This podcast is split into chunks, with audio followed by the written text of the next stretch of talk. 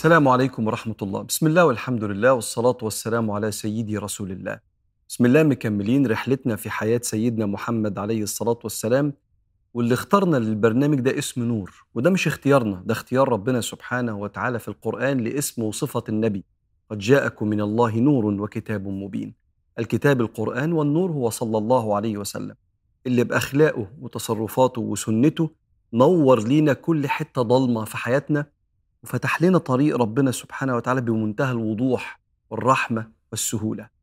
إحنا النهاردة في سنة 2 هجريا وهيبدأ القتال في غزوة بدر. أصل سبب الغزوة وهي كانت في شهر رمضان يوم 17 رمضان إن سيدنا النبي عليه الصلاة والسلام جمع الصحابة لما عرفوا إن في قافلة بقيادة أبو سفيان فيها فلوس المسلمين المنهوبة منهم لما كانوا بيهاجروا من مكة للمدينة. طلع النبي ب 300 واحد معهم أسلحة بسيطة عشان يستردوا فلوسهم المغتصبة. عرف أبو سفيان بالموضوع ده فغير سير القافلة وبعت واحد لمكة يقول لهم أنا عايز جيش يحارب محمد. طلع ألف واحد من قريش وصلوا في حتة اسمها العدوى القصوى وسيدنا النبي طلع وهو في الطريق عرف إن هي مش قافلة إنما هي الحرب. استشار الناس قالوا له إحنا معاك يا سيدنا محمد. وقف صلى الله عليه وسلم عشان يدافع عن المدينة في مجيء الجيش اللي عايز يحارب النبي عليه الصلاة والسلام. اختلف جيش المشركين. طب ما نرجع ما إحنا عرفنا إن خلاص أبو سفيان هرب بالقافلة اللي فيها فلوس المسلمين لكن أبو جهل رفض. وقال لهم إحنا هنفضل قاعدين هنا نعزف الموسيقى وترقص المغنيات ونوقد النار العظيمة حتى تهابنا العرب. العرب تعمل لنا قيمة كده.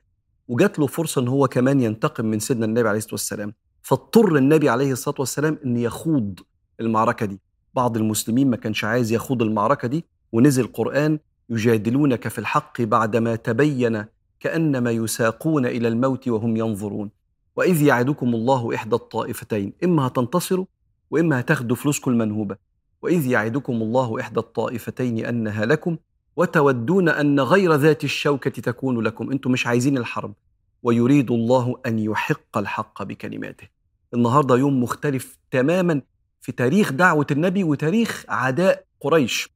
لسيدنا النبي عليه الصلاة والسلام عشان كده سميت الغزوة بيوم الفرقان. وصلوا الجيشين سيدنا سعد بن معاذ وسيدنا أبو بكر الصديق اقترحوا على سيدنا محمد عليه الصلاة والسلام يبنوا له عريش ورا. عريش يعني زي خيمة كده وقالوا له يا رسول الله وتوضع الركوبات حوله فإذا انتصرنا فبها ونعمت جئت لنا. وإذا انهزمنا ركبت على ركوباتك ونجائبك النجائب اللي هي الحصنة والجمال فلحقت بأهلنا في المدينة. بيقول له كده ليه؟ لأن أغلب المسلمين عايشين في المدينة. ما طلعوش مع سيدنا النبي عليه الصلاة والسلام عشان الغزوة لأن أصلا ما كانش فيه غزوة. إحنا كنا طالعين بعدد قليل نسترد أموالنا المنهوبة. فأغلب المسلمين موجودين في المدينة أو كانوا في تجارات لأن كل المشهد ده حصل فجأة. فإذا برسول الله صلى الله عليه وسلم يوافق على الاقتراح ده من سعد بن معاذ ومن سيدنا أبو بكر الصديق بوحي من ربنا سبحانه وتعالى. ثم يبدأ صلى الله عليه وسلم يصف الجيش وبعد ما صف الجيش جلس صلى الله عليه وسلم وخلفه أبو بكر وبدأ يدعي.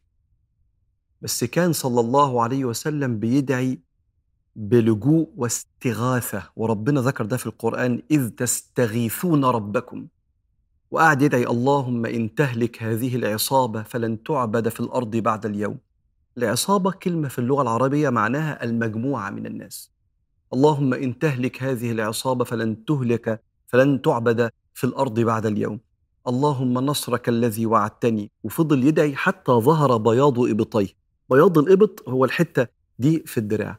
وسيدنا أبو بكر الصديق بيقول درجة إن رداء النبي سقط من كتر رفع النبي إيديه. وسيدنا أبو بكر يقول له يا رسول الله بعض مناشدتك ربك فإن الله منجزك ما وعدك. يعني واحدة واحدة.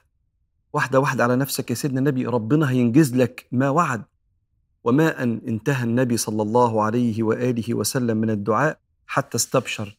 وقال أبشر يا أبا بكر هذا جبريل ينزل من السماء في ألف من الملائكة يربط العصابة الخضراء على ثناياه النقع.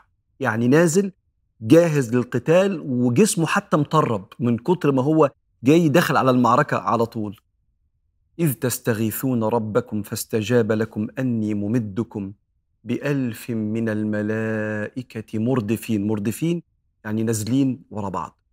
يقف صلى الله عليه وسلم يقف الجيش النبي مطمئن صلى الله عليه وسلم بيشجعهم وقبل ما المعركة تبدأ يجي سهم طايش النبي أصلا واقف للدفاع. إحنا مش هنبدأ إحنا أصلا مش طالعين نحارب. يجي سهم طايش يستقر, يستقر في قلب سيدنا حارثة ويكون أول شهيد في الإسلام لدرجة إن هو الحرب لسه ما بدأتش. فبعد ما الحرب خلصت جت أمه سي أم سيدنا حارثة تقول للنبي يا رسول الله هو حارثة يبقى كده شهيد؟ ده إحنا كنا لسه واقفين. ولا ما يبقاش شهيد؟ هل هو شهيد؟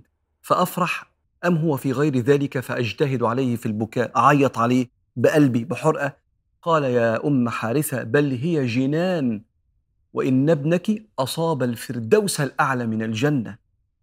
ويبدو أن قريش هتكمل استفزازها لبداية المعركة من طرفهم.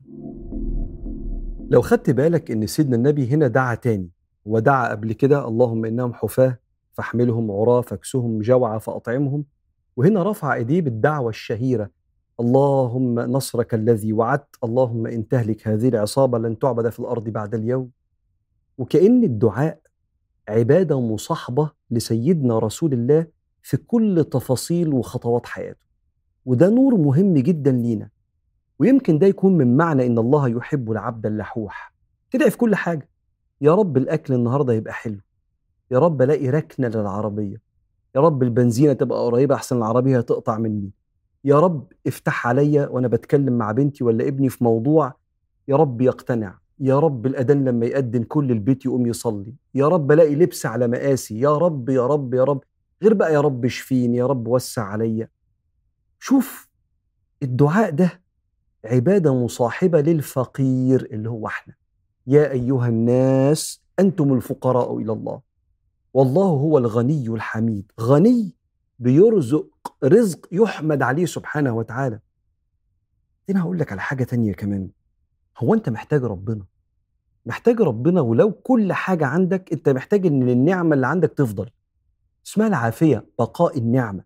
يعني لو عمال تفكر كده أنا مش عايز حاجة النهارده. لا أنت عايز. عايز إن الصحة تفضل والستر يفضل والفلوس تفضل اللي هي سبب استقرار حياتك لو أنت حاسس إن أنت مش عايز حاجة. فاللي ما بيدعيش مقصر في حق نفسه قوي